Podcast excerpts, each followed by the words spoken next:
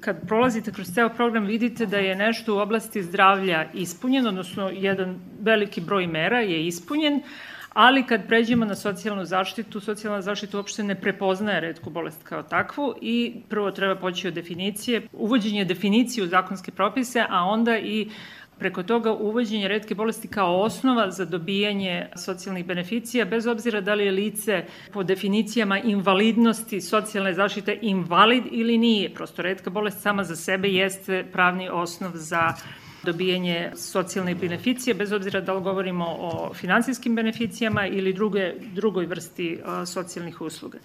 Ta informacija koje su laboratorije definisane kao laboratorije koje imaju opremu, kadar, e, prostorije za i znanje za diagnostiku redke bolesti ili šta je to centar za redke bolesti i za koju redke bolest, to mora da, da stoji na sajtu Ministarstva zdravlja u odseku koji se tiče redkih bolesti. To je takođe bila jedna od mera da se uvede e, odeljak koji se tiče toga, znači osobe s redkim bolestima se mogu o mnogo tome informisati preko tog sajta, ali recimo ove dve relevantne informacije ne postoje. Mislim da je u zdravstvenom sektoru da smo prilično normirani, naročito sa, sa Zojinim zakonom, jel? mislim da smo normirani od drugih zemalja, ali u ovim ostalim sektorima oni praktično ne prepoznaju redku bolest kao pravni osnov za dobijanje bilo kakvih beneficija i da nam je ta multisektorska saradnja dosta podbacila i da na tome najviše treba raditi, jer pored zdravstvenih usluga, osobe s redkim bolestima potrebne su im i usluge socijalne zaštite, zapošljavanje sa beneficiranim uslovima, obrazovanje pod drugačijim uslovima nego kod većine stanovništva i tako dalje. Kakva je situacija što se tiče neonatalnog skrininga u Srbiji? Znamo da se trenutno radi neonatalni skrining na mali broj bolesti. Kada je skrining u pitanju, svakako da negde spadamo u red onih zemalja koji imaju najmanji broj skrininga za redke bolesti, ovaj, ne samo u okruženju, nego, nego i šire i negde, ovaj, da je svakako to tema jako značajna tema kojom trebamo da se bavimo. Kada je skrining za spinalnu mišićnu atrofiju u pitanju, ja mogu da kažem da i dalje smo na, samo na najavi početka skrininga u aprilu mesecu, ali ono što jeste njega razlikuje možda od drugih skrininga jeste sam, sam način, metoda kojom se on radi i pretpostavljamo da je to problem zašto se vreme prolongira, jer jedina ustanova u stvari koja može da, da prihvati da radi ovakav screening, da stignu rezultati u roku od dva dana, ono što je nama važno jeste da, da, da rezultati stignu u što kraćem roku jeste biološki fakultet koji ne spada ovaj, u sistem zdravstvene zaštite, on pripada obrazovanju i negde pretpostavljamo to jest negde donosimo da, zaključak da je to u ovom momentu problem i zaista se nadamo da će se tako to i prevazići. Naravno, sa skriningom ide i onaj moment izdvajanja sredstava, jer ono što jeste suština skrininga jeste da onaj ko bude diagnostikovan putem skrininga, bukvalno u roku od nedelju dana dođe do terapije, jer u suprotnom skrining apsolutno nema smisa. Ovde smo mogli govoriti o značaju preventivnih pregleda, to jest preventivnih screening programa. Znamo da i diabetes postoje preventivni, da kažem, screening programi. Ja koliko znam, ovaj, te preventivne se zvanično u nekim zdravstvenim ustanovama ne rade, iako postoje protokoli koji bi trebali da se sprovode, postoje već duži niz godina, ali mislimo da zbog verovatno velikog uključenja zdravstvenog sistema ili ti lekara opšte prakse, I mislimo da je tu i negde nastaje problem, jer mi ako imamo neku statistiku ovaj, batuta i ako postoji zvanično neki nacionalni registar za osobe sa diabetesom koji dalje nije rađena nikakva, ovaj, da kažemo, zvanična, ovaj, mislim da svi centri ne šalju informacije ka batutu i dalje se vrtimo oko nekih istih brojeva zadnjih 4-5 godina, da je ona sad ima negde oko 780.000, a od tog broja zvanično imamo nekih 460 do 470 hiljada ljudi koji su diagnostikovani ili ti znaju da imaju diabetes, znači da imamo jednu veliku grupu ljudi koje je preko 300 hiljada koji ne znaju u stvari da imaju diabetes. Da, ovaj, jer diabetes tip 2 nema izražene simptome kao diabetes tip 1 i da ti ljudi uglavnom otkrivaju svoju bolest kada dođe do nekog ozbiljnijeg zdravstvenog problema, kada uh, se i diagnostikuju, oni već imaju razvijene ovaj, dve do tri komplikacije diabetesa, samim time mislimo da je važno da se to da kažemo, taj preventivni pregledi rade u zdravstvenim ustanovama. Mi kao udruženje to radimo od samog osnivanja, od samog početka, ali mi niti, niti želimo, niti možemo naravno da menjamo zdravstveni sistem i negde imamo svest o tome i mi smo za ovih 13 godina koliko postojimo otkrili više od 2200 ljudi koji, koji nisu znali da imaju diabetes. Genetske metode nama omogućavaju da zapravo do problema ne dođe. Nije problem samo rešiti problem za one bolesti za koje lek postoji, treba pomoći porodicama da do problema ne dođe. Mi imamo neke redke bolesti koje su u Srbiji ne leče kao u svetu. Mi znamo da 28% dece sa, sa autizmom se u svetu može izvesti na put i mogu normalno završavati osnovne i srednje škole i fakultete. Kod nas mi nemamo takav stepen uspešnosti i rešavanja autizma.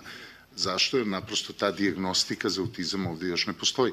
Takođe, veliki problem koji sam ja detektovao dok sam bio predsednik Saveza udruženja pacijenata i dalje, smeštaj odraslih osoba koji su od nečega bolali, od autizma, od neke druge redke bolesti, koji nemaju više roditelji. Mislim da ti, opet vraćam se na ono početnu priču, ti socio aspekti su zaista ogroman problem i negde država tu mora na neki malo aktivniji način da se veže, siguran sam da neko jednostavno rešenje može da se nađe i da se odmah vidi prednost i boljitak života tih porodica, odnosno ljudi koji često ostanu sami i neko nema da se njima brine.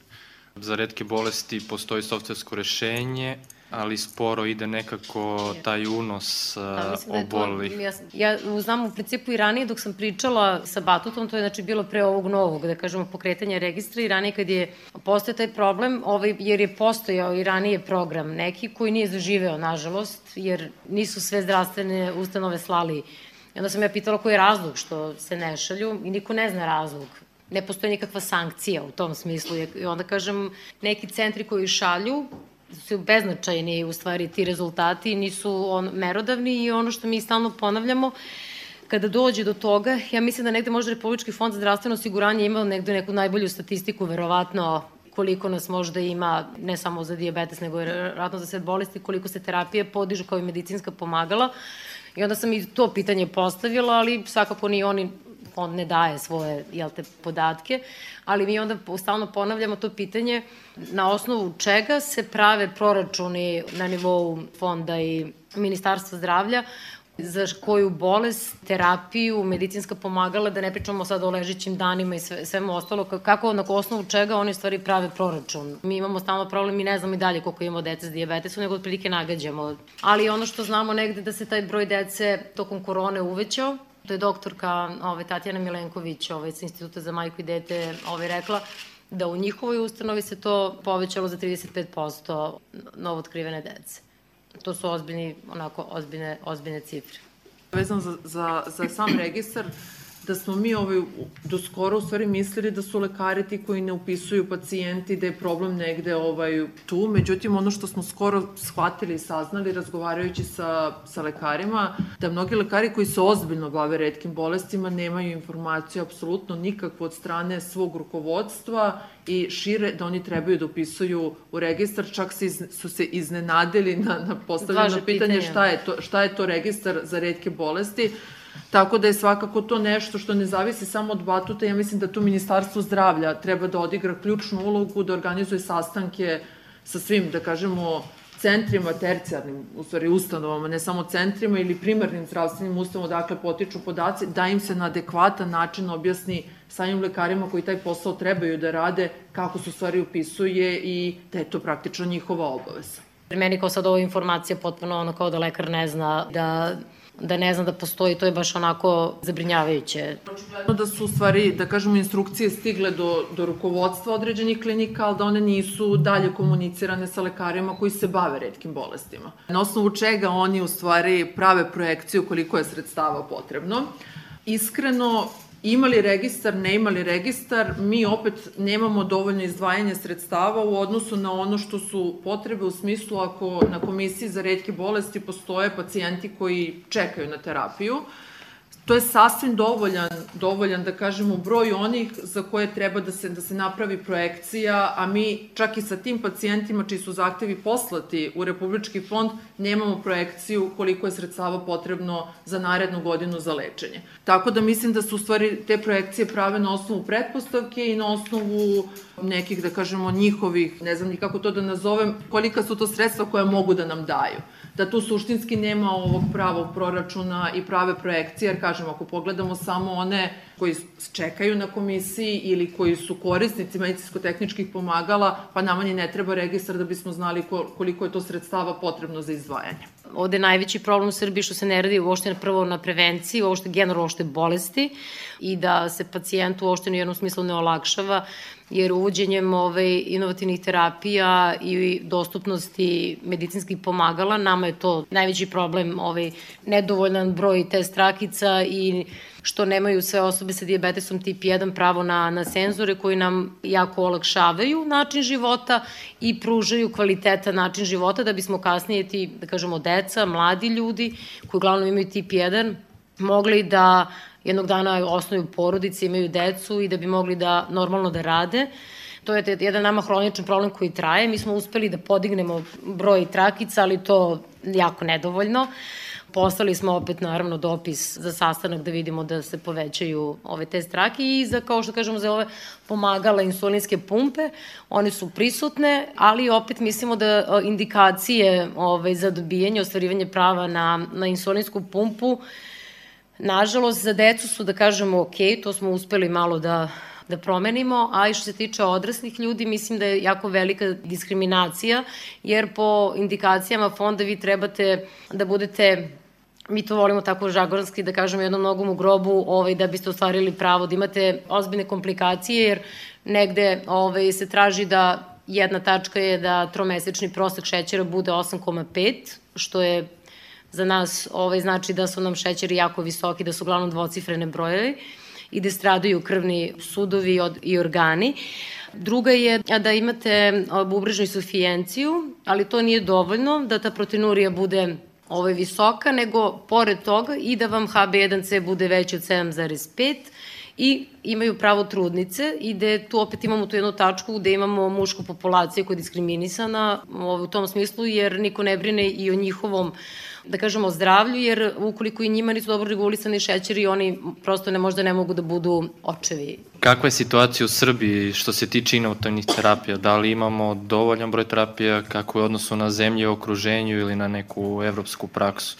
Nažalost, umesto da se prikupljaju potrebe pacijenata, pa na osnovu toga se pravi slika toga koliko je novca potrebno, kod nas se to radi obrnuto, tako što Ministarstvo financija određuje koliki će biti budžet za zdravstvo kao takvo, pa onda i za određene stavke unutar zdravstva, a onda vi morate da potrebe pacijenata ugurate u tu sumu koja je odokativno od ozgo postavljena. I ni tu nisam preveliki optimista da će se stvari promeniti, a nisam zbog toga što, recimo, neki najnoviji podaci, ako uzmemo za ozbiljno, a nema razloga da ne uzmemo za ozbiljno, na primer, ministra financija koji je izjavio da je budžet za zdravstvo Republike Srbije u 2023. godini negde oko 4,2 milijarde evra. Reći ću vam da je to duplo više nego 2019. godine. Znači, to je danas negde na tih 6 miliona i 700 hiljada ljudi, negde oko 630 evra po glavi stanovnika. 2019. je bilo 299 evra po glavi stanovnika, što znači da je u zadnje četiri godine najvećim delom zahvaljujući COVID-u i ulaganju u infrastrukturu, u uređaje, u poboljšanje materijalnog statusa zdravstvenih radnika, duplirano praktično ulaganje ove države u zdravstvo. I ono što je posebno interesantno jeste da kad te podatke uporedimo sa nekim zemljama u našem okruženju, možemo da vidimo da recimo čak za nekih nekoliko desetina evra po glavi stanovnika ulažemo više državnih para u zdravstvo nego, na primjer, Bugarska. A Bugarska je uh, i tu malo dolazim na, na teren ovoga što ste mi postavili kao direktno pitanje, dakle, dostupnost inovativnih lekova, svetlosne godine u odnosu na nas kada je u pitanju dostupnost inovativnih lekova. Zašto je to tako? Pa zato što od tih 630 evra po glavi stanovnika koliko je državno izdvajanje za zdravstvo, lekovi čine manje od 100 evra. Dakle, lekovi danas čine oko 15% zdravstvenog budžeta Srbije, a 2019. su činili oko 23%. Za poređenje, zemlje našeg regiona, dakle spomenuta Bugarska, ali i Makedonija, Bosna, Hrvatska, sve imaju 23, 4, 5 pa do 30% ukupnog zdravstvenog budžeta koji odlazi na lekove. Dakle, kod nas postoji jedna standardna priča o tome kako su lekovi skupi i kako se ne može investirati u lekove, a praksa u stvari pokazuje značajno drugačije. Dakle, da lekovi su nešto u šta ni blizu nije investirano onoliko koliko je neophodno u okviru novca koji uopšte nije mali. Dakle, možemo da kažemo da novac koji država ulaže u zdravstvo u 2023. godini je vrlo, vrlo i dalje nedovoljan svakako, ali vrlo značajan, pogotovo u kontekstu toga gde smo bili pre samo četiri godine. To nas u stvari vraća na, na sve probleme koji se tiču lekova, to je što, dakle, jako je važno poboljšati infrastrukturu. Bolnice su nam u katastrofalnim uslovima. Jako je važno poboljšati materijalne uslove zdravstvenih radnika, jer znamo kakve su bile plate i penzije, pogotovo pre COVID-a, sestrama i lekarima. Ali ono što nedostaje je isto tako segment koji je važan, a to je da se investira u one lekove koji mogu da prave razliku. I tu se opet vraća na još jednu temu koju sam malo zakačio, a to su registri. Dakle, registri, registri, registri. To je budućnost medicine.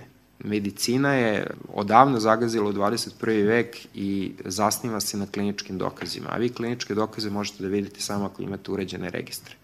Dakle, ako je već država rešila da investira u nešto, onda će kroz registar videti da li je ta investicija bila uspešna ili nije bila uspešna, moće da napravi korekciju, da preusmeri taj novac u nešto drugo. Ni ovde, nažalost, nisam preveliki optimista iz jednog prostog razloga što kod nas su, opet pričam šire od, od redkih bolesti, kod nas različite zdravstvene ustanove, različiti regioni koriste različit softver kada je u pitanju praćenje zdravstvenih kartona pacijenata. Registar neće biti uspešan ako bude nešto što je dodatno u odnosu na obaveze koje lekari već imaju. Dakle, registar mora da bude integrisan u jedan sistem u kojem lekar kada mu dođe pacijent i upiše podatke o tom pacijentu, to uradi na način da ti podaci mogu da budu korisni, dakle da, da, da mogu da se rade razne pretrage, da mogu da se rade, da se izloče razni podaci odatle. Za to je, ovako laički gledajući, najvažnije da postoji onaj sistem drop-down menija, umesto slobodnog unosa, jer slobodan unos je nešto što se ne može srčovati ili bar do sad nije moglo, ajde da vidimo, ova veštačka inteligencija obećava da će možda ako je malo koriguju, biti možda uspešna čak i u tome. Ali e, problem je da takođe i kad su registri u pitanju, i kad kažem registri, ja u stvari mislim na jedan veliki registar, registar pacijenata Republike Srbije, koji onda može da se deli na pacijente sa diabetesom, na pacijente koji su transplantirani, na pacijente sa redkim bolestima ili kako god želite, Dakle, taj jedan registar je projekat kojim se realno niko ne bavi. Prošle nedelje sam razgovarao sa, sa jednom osobom iz Ministarstva zdravlja koja mi je prenala situaciju u jednom relativno, ajde da kažemo, srednje velikom gradu u našoj zemlji, gde ukoliko određena osoba je na bolovanju ili odsutna, niko ne može da upiše pacijente u onaj tamo sistem zakazivanja i onda niko ne zakazuje jeli, pacijente tih nedelju dana ili dve dok je neko odsutan. Sve je to rešivo. Samo ako postoji politička volja, donekle i financije, ali kažem opet vraćam se na, na onu brojku koju sam vam rekao, mislim da država Srbija danas značajno izdvaja za zdravstvo odnosno na to kako je bilo ranije. Ja sam Mladen Todić, Predsednik sam udruženja Zajedno za novi život koji okuplja transplantirane pacijente i pacijente koji su na listama čekanja za transplantaciju organa. Često se spomenje registar i mi imamo neki naš registar, a to su liste čekanja za transplantaciju organa koje su odvojene po, da kažemo, organima. Imamo listu čekanja pacijenata za transplantaciju jetre, srca, bubrega i rožnjače koje se obavljaju u našoj zemlji, odnosno koje mogu da se obave u našoj zemlji. Nažalost, nemamo uh, zvaničnu listu čekanja za transplantaciju pluća. Uh, mi imamo neki podatak nezvaničan iz Uprave za biomedicinu Ministarstva zdravlja gde kažu da postoji oko 60 pacijenata. Uh, mi konkretno ne verujemo taj podatak i mislimo da nije tačan. Mislimo da ih ima manje a ono što je poražavajuće to je činjenici da se transplantacija pluća u našoj zemlji ne radi, niti je na vidiku i naši pacijenti bi trebalo troškov fonda da se šalju u inostranstvo na transplantaciju pluća, međutim pravilnik RFZ o slanju pacijenata za transplantaciju pluća u inostranstvo prepoznaje samo cističnu fibrozu kao diagnozu za transplantaciju pluća u inostranstvu, a to postoji i fibroza, postoji plućna hipertenzija i tako dalje, koje jesu indikacije svude u svetu za transplantaciju pluća. Transplantacija organa u Srbiji je u proteklih tri godine poražavajuće, ja mogu slobodno da kažem, odnosno brojke su poražavajuće. Mi smo prošle godine imali samo dve kadaverične transplantacije. Kad kažem kadaverična transplantacija, mislim na transplantaciju e, organa sa moždano mrtve osobe uz dobijenu saglasnost od strane porodice. Kod nas u Srbiji srodničke žive transplantacije rade samo transplantacije bubrega što je isto žalosno jer svuda u svetu se rade i transplantacije pluća sa živog donora srodnika i transplantacije jetre. Prošle godine, kao što sam rekao, je bilo samo dve kadaverične transplantacije, u pitanju su dva bubrega. Pretprošle godine je bilo ukupno pet donora i devet kadaveričnih transplantacija. Do pre godinu dana smo imali saradnju sa italijanskim transplantacionim centrom. Centar se nalazi u Rimu. Imamo više transplantacionih centara kao što je Udineze, Padova, Bergamo, gde smo mi morali da šaljemo neodređeni broj organa, onoliko koliko smo mi u mogućnosti, a oni su za uzvrat e, sa kadaveričnih donora transplantirali i e, odrasle građane i decu. U jednom trenutku su prestali da transplantiraju zato što nijedan organ tokom trajanja tog sporazuma mi nismo poslali i oni su prestali da pretprošle godine transplantiraju naše građane a ono što je poražavajuće od pre godinu dana ne prihvataju ni naše najmlađe pacijente za transplantaciju jetre i bubrega, već ih prihvataju kao i odrasle sada ukoliko ovde nađu srodnog donora, odnosno živog donora, da ih bukvalno odvedu u Italiju da ih tamo transplantiraju. Ja sam jutro bio na odelenju hepatologije gde leže pacijenti koji čekaju transplantaciju jetre. Tamo je trenutno najveći broj pacijenata koji čekaju jetru su ispod 30 godina. Razlog tome da je stala transplantacija zbog korone jeste zaustavljen program transplantacije na godinu dana, on je zaustavljen ovde, zaustavljen svudi u svetu, ali posle toga imamo 2021. godinu gde smo imali samo devet kadaveričnih transplantacija, susedna Hrvatska koja je nastavila sa programom transplantacije imala 268. Znači 260 transplantacija organa imala više od nas. Pa znači, tamo neko može, Samo je pitanje ovde zašto mi ne možemo. Ukupno oko hiljadu e, ljudi čeka na transplantaciju jetre, srca i bubrega i oko hiljadu ljudi čeka na transplantaciju rožnjače, a e, između 30 i 40 deca čeka na transplantaciju e, jetre i bubrega kod transplantacije je jako važna politička volja a, da se taj program postavi na noge, da se definišu timovi za transplantaciju. Mi imamo tačnu listu čekanja za transplantaciju srca, tačnu jedinstvenu listu nacionalnu i imamo jedinstvenu nacionalnu listu čekanja za transplantaciju jetre. Mi, nažalost, po našim saznanjima, trenutno postoje dve ili tri liste čekanja za transplantaciju bubrega, što je neverovatno i nedopustivo u najmanju ruku, jer šta ako se pojavi donor u kliničkom centru Srbije, a tamo neki e, iz Niša pacijent e, je adekvatan primalac tog bubrega, šta neće ga zvati jer oni imaju svoju listu.